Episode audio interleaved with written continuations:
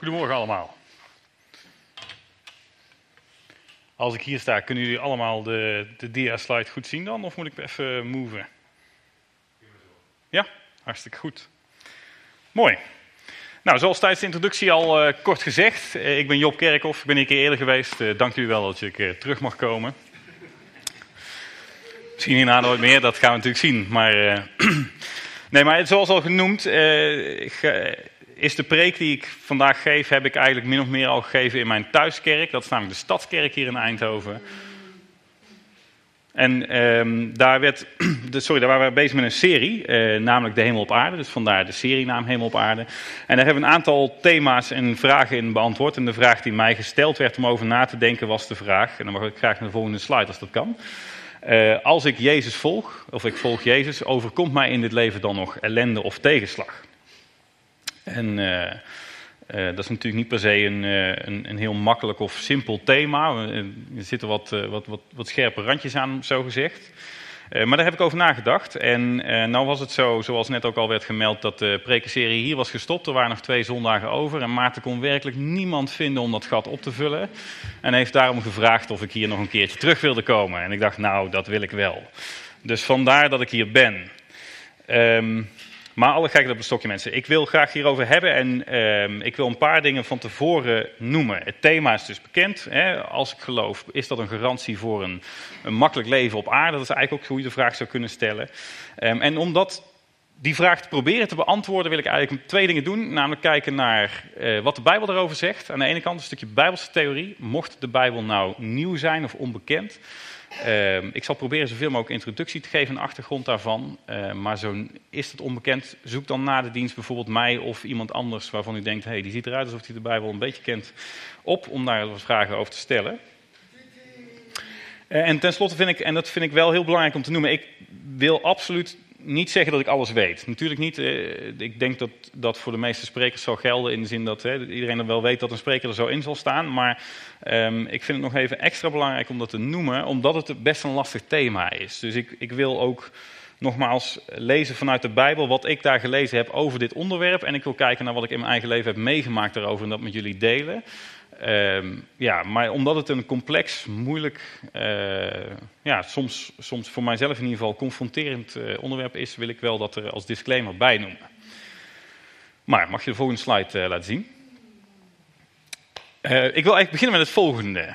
Um, wat jullie hier zien is een drumstel, dat zal de meeste van jullie niet verbazen. En een aantal van jullie kennen mij iets beter dan alleen Job, die af en toe wat komt vertellen in de brug. Maar die zullen weten dat ik drum, dat is mijn hobby. Sterker nog, dat is mijn allergrootste hobby. En uh, dat is eigenlijk al van kleins af aan zo. Ik kan me niet anders herinneren dan dat ik als klein mannetje overal op sloeg. Eh, vooral potten en pannen natuurlijk. En, en of herrie en muziek. Voor sommige mensen zijn dat twee verschillende dingen. Voor mij was het vaak hetzelfde, maar maakte. Um, en ik mocht van, en dat was ook altijd mijn grote droom, van mijn ouders vrij jong op drumles. Je moet natuurlijk een bepaalde leeftijd zijn in Nederland. Eh, vooral omdat je een bepaalde lengte moet hebben om overal bij te kunnen als drummer. Maar ik mocht op drumles. Dat vond ik erg leuk. En ehm, ik begon uh, te drummen. Ik gewoon in Eindhoven. Ben in Eindhoven opgegroeid bij de muziekschool. En ik had een, leraar die ongelooflijk goed was. En die zei op een gegeven moment tegen me: Job, je hebt talent, jongen. Dit ligt jou, het drummen. Het gaat je goed af. En ik oefende veel. Mijn vader heeft een, uh, een groot drumhok gebouwd waar ik thuis ook bij hun kon oefenen. En uh, helaas was mijn drumstel toen niet zo prachtig als deze uh, DW. Dat is een beetje de Rolls Royce zonder drumstel. Een beetje mijn droom nog steeds. Um, maar ik was daar heel veel mee bezig. Zodanig veel dat ik op een gegeven moment besloot: ik wil professioneel muzikant worden. Ik wil drummer worden. En ik had grote ambities. Mijn plannen reikten veel verder dan, uh, dan die normaal gesproken van een mannetje hier uit Eindhoven. Ik wilde sessiedrummer worden, zoals dat dan heet. Eigenlijk uh, uh, freelance drummer. En ik wilde voor de grootste artiesten van de wereld spelen. Simpelweg omdat ik het leuk vond. Dat, ik dacht, dat lijkt me wel een mooi plan. En daarom ben ik heel veel gaan oefenen, heel veel gaan drummen. En, via wat omwegen en wat, wat, wat toeren met wat bands ben ik uiteindelijk op het behoorlijk prestigieuze Berklee College of Music terechtgekomen in Amerika, in Boston. En daar heb ik een, eh, een jaar gestudeerd. En wat zo interessant was, vind ik, als ik terugkijk op die periode, want het begon, nou ja, dat, ik, dat ik een jaar of tien was, dat ik begon met drummen tot nou, 1, 22, dat ik daar op school zat op het conservatorium. Ehm, is dat, dat dat leek altijd een heel erg door God geleid traject. Een, een verhaal waarin ehm, het drummen mijn hobby was, maar ook leek gezegend te worden door God, het hele traject. Het, het viel bijzonder in elkaar. En vreemd genoeg, eh, want Berklee College of Music, de school waar ik terecht kwam, is wel echt, zeg maar, als je daar terecht komt, dan heb je eigenlijk een garantie op, de, de, op een rol in de muziekwereld. De mensen die daar studeren gaan vrijwel allemaal door naar de grote muzieksteden van de wereld. Zeg Londen, Los Angeles en Nashville. New York eventueel. En die worden daar eh, topmuzikant. Dus in die zin zat ik mensen gezien heel dicht bij die droom die ik als kleine jongen had. Maar gedurende dat jaar kwam ik erachter dat mijn geloof met mijn, met mijn hobby vergroeid waren. Ik volgde God omdat ik kon drummen. En ik volgde God niet alleen maar omdat ik God wilde volgen. En gedurende die periode in dat jaar daar, en dat vond ik heel heftig, kwam eh, eigenlijk bij mij de vraag terecht, zo ervoer ik dat door God. Uh, en die vraag was eigenlijk, Job, kies je voor mij of kies je voor je plannen en carrière om muzikant te worden, om drummer te worden? En ik vond het een verschrikkelijk moeilijke vraag, want voor mij was het mijn grote hobby, drummen. Ik vond het gewoon heel erg leuk en daarnaast had ik er heel veel tijd en energie in gestoken. Ik had dingen, mezelf dingen ontzegd om maar een goede muzikant te kunnen worden. En tegelijkertijd eh, had ik ook altijd het idee dat God mij hierin had geleid. Dus ik dacht, hoe kan dat nou weer? Wie bent u om dit van mij te vragen? Een volstrekt belachelijke vraag van mijzelf, maar ik stelde hem wel. Sterker nog, ik zei, Heer God, als het zo moet, dan hoeft het niet wat mij betreft. Dan geloof ik niet meer. Ik zal niet ontkennen dat u bestaat. Ik wist dat simpelweg. Uh, ik kon dat niet voor mezelf ontkennen, maar ik kon wel zeggen, zoek het maar uit, ik doe niet meer mee. En dat heb ik gedaan, stom genoeg. En uiteindelijk, eh, ook getuigt het feit dat ik hier sta natuurlijk, eh, is dat net allemaal weer anders geworden dan ik dat op dat moment eh, tegen God zei. Maar ehm, wat ik belangrijk vind is om te melden dat dat voor mij een beproeving was in mijn leven. Een, een stukje ellende zo gezegd, waar ik maar moeilijk mee om kon gaan. Ik vond dat verschrikkelijk zwaar. En ik wilde dit met jullie delen, omdat dat natuurlijk in, in de lijn van de thema, het thema van vandaag ligt. En ik wilde dat eerst dit verhaal aan jullie vertellen, hoe ik dat zelf heb meegemaakt. En vervolgens ook even de Bijbel induiken om te kijken wat de Bijbel nou precies zegt over beproeving, over ellende, over tegenslag in het leven van een gelovige. Hoe we daarmee om kunnen gaan, moeten gaan eh, en dat soort vragen. En om te beginnen, dan mag de volgende slide eh, zichtbaar worden, wil ik daarom lezen uit Jacobus. Uh, is het trouwens goed leesbaar voor iedereen? Denk het wel, hè? Ja, goed zo. En in Jacobus 1, versen 1 tot en met 4 gaan we lezen. Ik heb ze even in twee geknipt, omdat het dan iets leesbaarder is. Maar daar staat het volgende. Van Jacobus, dienaar van God en van de Heer Jezus Christus. Aan de twaalf stammen in de diaspora, ik groet u. Het moet u tot grote blijdschap stemmen, broeders en zusters, als u allerlei beproevingen ondergaat. Want u weet, wanneer uw geloof op de proef wordt gesteld, leidt dat tot standvastigheid. En als die standvastigheid ook daadwerkelijk blijkt, zult u volmaakt en volkomen zijn zonder enige tekortkoming. Allereerst even een paar stukjes praktisch en achtergrond eh, voordat we in die tekst duiken. Dit is dus geschreven door Jacobus. Jacobus was een broer van Jezus en hij heeft een boek geschreven. Eh, of tenminste, dat staat als een boek in de Bijbel. Misschien is het een brief, maar in ieder geval hij heeft een stuk geschreven. En dat staat dus in het Nieuwe Testament van de Bijbel onder noemer Jacobus. En daarvan hebben wij uit het eerste hoofdstuk de eerste paar zinnen of versen gelezen. En hij schrijft dit stuk, en misschien kunnen we even terug naar de vorige slide. Uh, ja, van, hij zegt van Jacobus, hij, hij, profileert zich als dienaar van God en van Christus, maar hij schrijft dit aan de twaalf stammen in de diaspora. Nou zijn de twaalf stammen in de diaspora, gaat over het Joodse volk en die verspreid zijn over de wereld. Um, maar ik vind in de context waarin wij ons op dit moment bevinden, dat wij dat mogen interpreteren als zijnde gericht aan ons. Dat vind ik omdat um, Jacobus zichzelf ook profileert als dienaar van God. En hij schrijft eigenlijk aan mensen die zichzelf in, dezelfde situatie bevinden als hij. En dat is voor ons allemaal, denk ik, toepasbaar. Dus vandaar dat ik denk, twaalf stammen diaspora mogen we in dit geval opvatten als gericht aan ons allen gelovigen. En als u nu niet gelooft of daarover twijfelt, dan is het misschien een mooi voorproefje van wat u te wachten staat, mocht u daar wel voor kiezen. Um, en wat, ik, wat voor mij belangrijk is, is het sleutelwoord, en dat heb ik ook dik en schuin gedrukt, is beproevingen. En dat zal misschien niet als, als verrassing komen in het licht van wat ik zojuist heb verteld al. Maar ik wil daar dadelijk nog even iets verder op induiken, wat het precies betekent en wat we daarmee kunnen ook. Uh, maar vandaar dik bedrukt uh, beproevingen en wat mij betreft het sleutelwoord van deze paar versen. Ehm, en wat ik ook daarbij wil noemen is dat in Romeinen 5, de eerste paar versen van Romeinen 5, staat een zeer soortgelijk stukje Bijbeltekst met ongeveer dezelfde strekking. Het is namelijk aan gelovigen gericht. Het gaat over beproeving, al heeft het het daar over het woord ellende. Ik ga daar zo even verder op in over waarom ik vind dat die uh, op dezelfde manier geïnterpreteerd mogen worden. Um, en wat ik vooral ook interessant vind, en dan mogen we weer even naar de volgende slide. Daar wil ik nog twee dingetjes uithalen. Is dat in vers 3 en 4 staat dat beproeving leidde tot karaktervorming, zou ik dat willen noemen. Hier staat het omschreven als uh, standvastigheid, uh, volmaakt en volkomen zonder enige tekortkoming. Ik weet niet of er hier mensen zijn die zich daar volledig in herkennen. Ik in ieder geval niet. Niet in de mate waarin ik dat zou willen en misschien wel moeten zijn. Dus dat is een beetje uh, het houvast, denk ik, dat waar we naartoe werken. En ook dat biedt Romeinen 5. Die biedt een uitzicht op een ideale situatie waarbij het karakter van de mens gevormd is. Uh, ik zou willen adviseren, lees dat thuis eens een keer door. Sowieso, mensen, lees de Bijbel, dat is fantastisch. Um, maar even terug. En tenslotte wil ik nog één ding eruit halen. En sorry, ik, ik maak het de beamerist heel moeilijk, want ik ga nog een keer terug. Uh, maar dat is namelijk, begin vers 2, dat heeft mij eigenlijk altijd zo gefascineerd aan dit stukje tekst. En ook dat is wat in Romeinen terugkomt. Namelijk dat het ons tot grote blijdschap moet stemmen als wij beproeving in ons leven ondervinden. En de reden waarom, en ik weet niet of u dat herkenbaar vindt, maar de reden waarom ik dat voor mezelf zo raar vind, is dat beproeving helemaal niet leuk is. Ellende en beproeving heten niet voor niks ellende en beproeving, anders waren het wel leuke dingen geweest. Dat is helemaal niet leuk. En de schrijver, Jacobus in het geval, die zegt: laat u uzelf, of laat het u tot grote blijdschap stemmen. Niet eens blijdschap, maar grote blijdschap, beste mensen. Ik heb het altijd heel erg raar gevonden en ik wil samen met jullie gaan kijken waarom dat wellicht dan daar staat en wat we daarmee kunnen. Ja, we mogen naar de volgende, beste bierman. En dan mogen we nog een keer naar de volgende. Uh, want wat ik allereerst even met jullie wil doen in het licht van Jacobus en dus ook Romeinen, uh, die ik nogmaals zou adviseren thuis eens even te lezen, maar waar in stekking hetzelfde staat. Uh, wat ik even wil doen is kijken naar de definitie van het woord beproeving zoals die door de vandalen in Nederland wordt gegeven. Ik vond het namelijk interessant om eens te kijken hoe wij Nederlands taaltechnisch dat woord definiëren. En dat is als volgt. dat is allereerst is beproeving een proef of toetsing. En ten tweede is het tegenspoed of moeilijke situatie. En ik vond dat heel interessant om die beide te zien, omdat wat ik al zei, in Romeinen wordt, uh, heeft, gaat het niet over beproeving, maar gaat het over de ellende.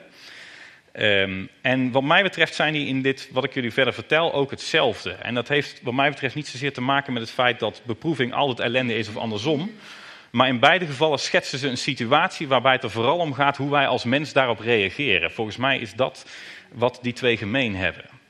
En um, wat we verder aan deze, uh, deze definitie uh, zien. Um, sorry, moet ik eventjes in mijn uh, notities duiken. dus wat mij betreft koppelen die Romeinen en Jacobus aan qua strekking. Hè. Beproeving en ellende is in dit geval dan dus hetzelfde. De definitie is natuurlijk anders, maar wel hè, hoe ga je daarmee om in het leven.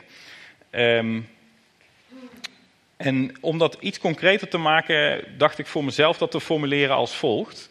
Volgens mij is een beproeving of een ellende in dit geval niet krijgen wat je wel wil en wel krijgen wat je niet wil. En om dat nog even een tikje concreter te maken, het volgende. Stel je voor, je zit in een auto of op de fiets, mag ook. Wandelend kan ook trouwens. Ook dan kom je stoplichten tegen in leven. Maar je komt een stoplicht tegen en je hebt haast dan is een rood stoplicht over het algemeen in mijn geval niet krijgen wat je wel wil, namelijk je zou een groen stoplicht willen. Andersom is het ook zo dat je dan wel krijgt wat je niet wil. Je wil een groen stoplicht, maar je krijgt een rode. Het is natuurlijk precies hetzelfde van twee kanten, maar uiteindelijk is dat denk ik wel waar het om gaat. Wat mij betreft is dat de definitie van beproeving en ellende. En het zijn misschien wat flauwe voorbeelden, maar tegelijkertijd denk ik dat, het, dat we ons daar allemaal wel iets bij kunnen voorstellen. Wat ellende en beproeving in ons leven zijn.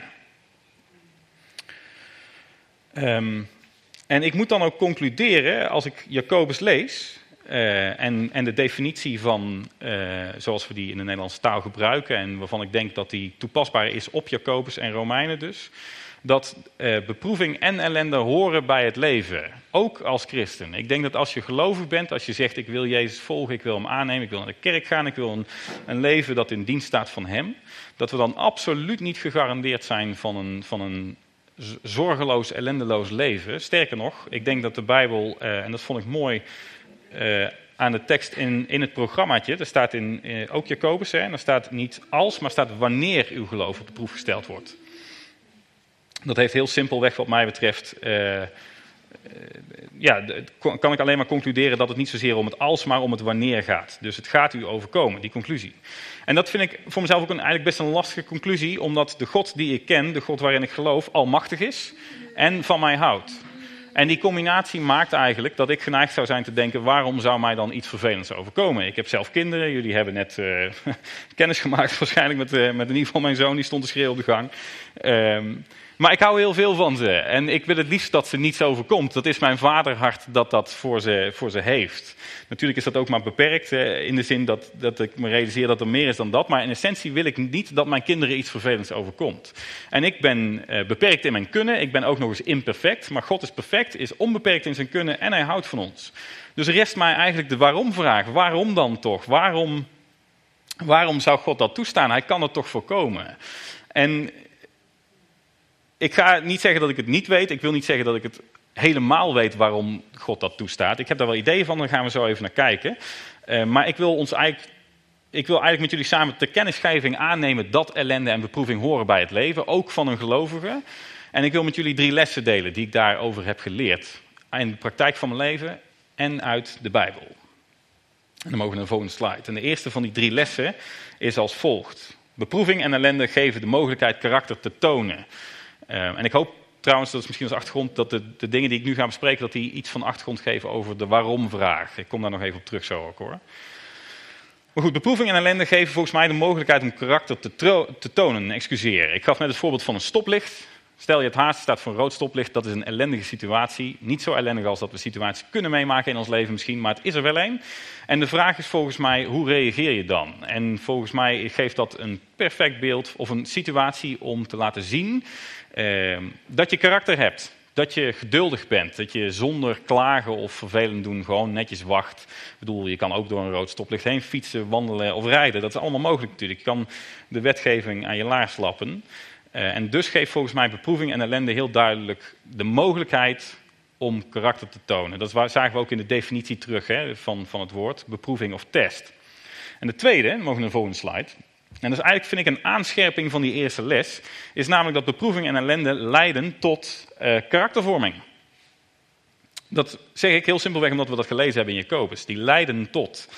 Waarbij uh, de vorige les dat, dat, het karakter, dat je karakter kan tonen door beproeving en ellende. Dat is dan misschien zo, maar dit is echt een aanscherping, denk ik, daarvan. Ik denk dat we vervelende situaties nodig hebben om ons karakter aan te scherpen. En ik zal er een voorbeeld van geven. Ik weet niet of u de vrucht van de geest kent. Liefde, blijdschap, vrede, vreugde, zijn er een heel aantal. Geduld is er daar één van. Ben ik niet zo heel sterk in bijvoorbeeld zelf. Maar ik weet wel dat als ik geduldig wil worden, geduldiger dan ik ben, dan eh, is er volgens mij maar één manier om dat te leren. Dat is namelijk in situaties terecht te komen waarbij dat getest wordt. En mijn moeder zei vroeger altijd tegen me, Job jongen, kijk uit als je God bidt om geduld. Ja, u voelt hem aankomen, want dan staan alle stoplichten op rood. Hoe leer je dat namelijk anders? En natuurlijk is dat niet letterlijk zo. En uh, uh, dat is een beetje een flauw voorbeeld. Maar het is denk ik in essentie wel zo. Ik denk dat als je wil leren geduldig te zijn. Als je wil leren houden van mensen, onvoorwaardelijk houden van mensen. Dat het veel makkelijker. Dat die, die les leer je door met moeilijke mensen om te gaan. Door rode stoplichten te treffen in je leven. Volgens mij geven beproeving en ellende situaties die onwenselijk zijn. Namelijk de ruimte om karakter te vormen. En de derde les, en daarvoor gaan we, mag je naar de volgende slide, gaan we nog een klein stukje Bijbel lezen uit 1 Corinthians 10, vers 13. De derde les, eh, nou kom ik zo terug, lezen we eerst even de tekst. Daar staat namelijk het volgende. U hebt geen beproeving te doorstaan die niet voor mensen te dragen zijn. God is trouw en zal niet toestaan dat, hij, eh, sorry, dat u boven uw krachten wordt beproefd. Hij geeft u met de beproeving ook de uitweg, zodat u haar kan doorstaan. En um, ja, laten we maar even op deze slide staan inderdaad. Uh, de reden waarom ik deze tekst eruit heb gehaald is... Hè, ik heb natuurlijk verteld over mijn drummen, mijn, of mijn, mijn carrièrewensen daarin. Dat ik daar menselijk gezien heel dichtbij ben gekomen. Uh, maar deze tekst heeft mij uh, totaal van de wap gebracht. Want toen de vraag kwam van God, Job, kies je voor mij of voor je drummen, voor je carrière, je plannen uh, dacht ik, dat is een vraag waar ik, of een, een beproeving waarvoor ik niet gemaakt ben. Dat is er een die ik niet aan kan. En in de Bijbel staat doodleuk, je wordt niet boven krachten beproefd. En ik vond dat verschrikkelijk, want ik heb moeten zeggen: oké, niet wat ik voel of denk of ervaar, maar dat wat er in de Bijbel staat, dat is waar. Dat is namelijk wat er hier staat. En volgens mij is dat ook echt zo. Ik kan met terugwerkende kracht zeggen dat inderdaad ik in mijn leven nooit boven mijn krachten ben beproefd. Ik kan wel ook zeggen dat eh, de beproeving en in de mate waarin ik die heb meegemaakt in mijn leven per situatie, per levensfase anders was. Uh, nogmaals, mijn zoon zagen jullie net al. Die is nu drie. Toen hij twee was, kreeg hij voor zijn verjaardag een loopauto in huis. En daar was hij helemaal fan van. Liep hij het hele huis mee door. Maar die heeft uitstekende wielen. Een soort raceauto-ding is het. Uitstekende wielen en daarmee kan hij overal klem te zitten. En hij lijkt op mij, dus hij kan daar verschrikkelijk boos van worden en gefrustreerd van zoiets. Um, en het interessante is um, dat, um, dat, dat dat voor zo'n manneke van 2, 2,5 is dat niet erg.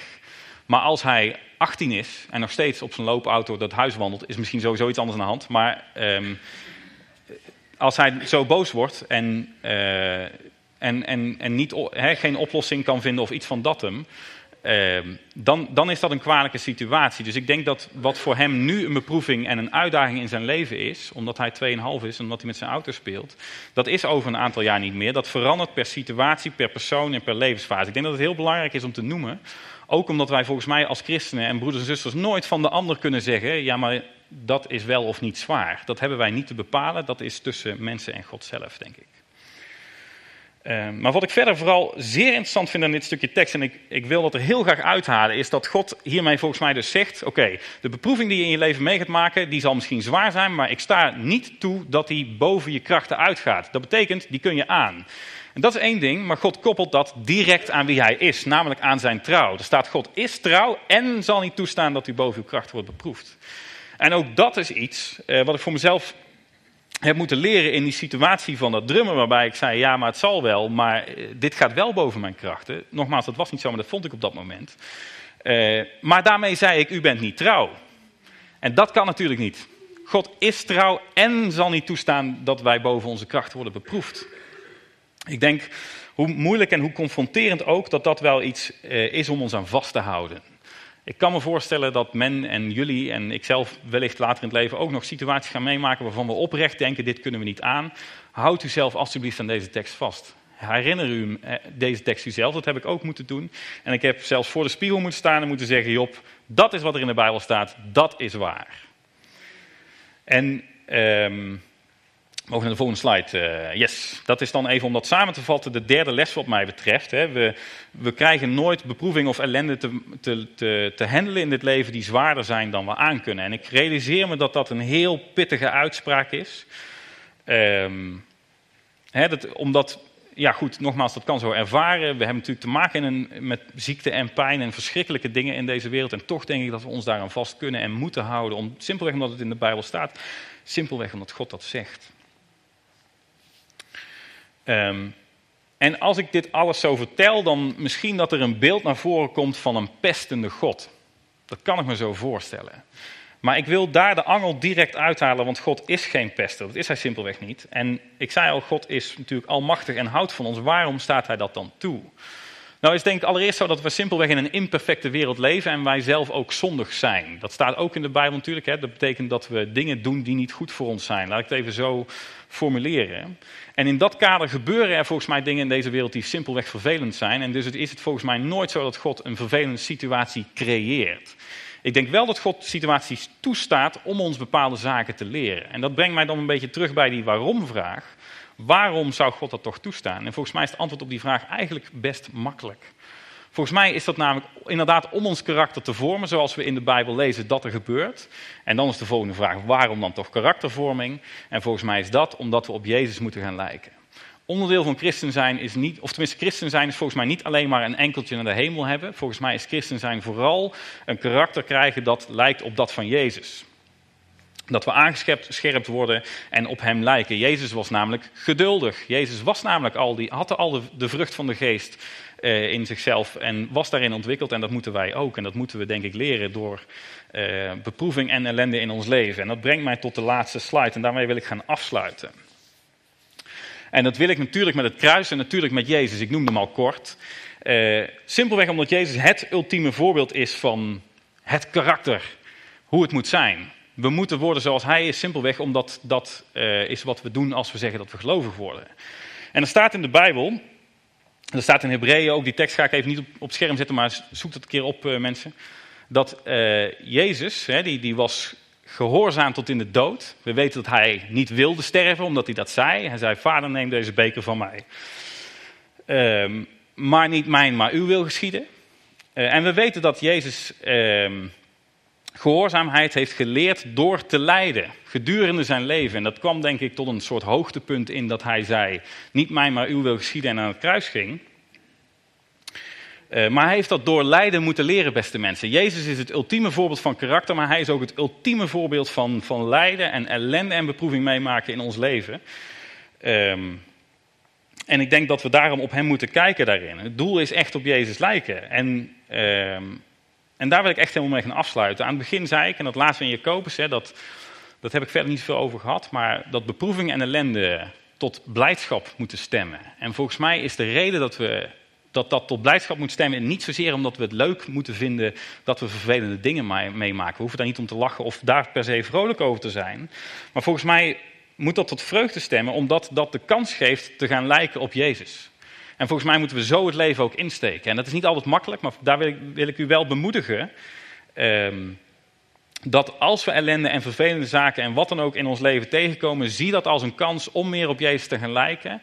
En laat u zelf daarmee niet door het, of hoe makkelijk misschien ook, hè, maar laat u zelf niet uit het veld slaan. Maar kijk naar Jezus, kijk naar zijn karakter en hou in die zin de ambitie om op Jezus te lijken voor ogen. Grijp de kans en wees daar vrolijk en vreugdevol over.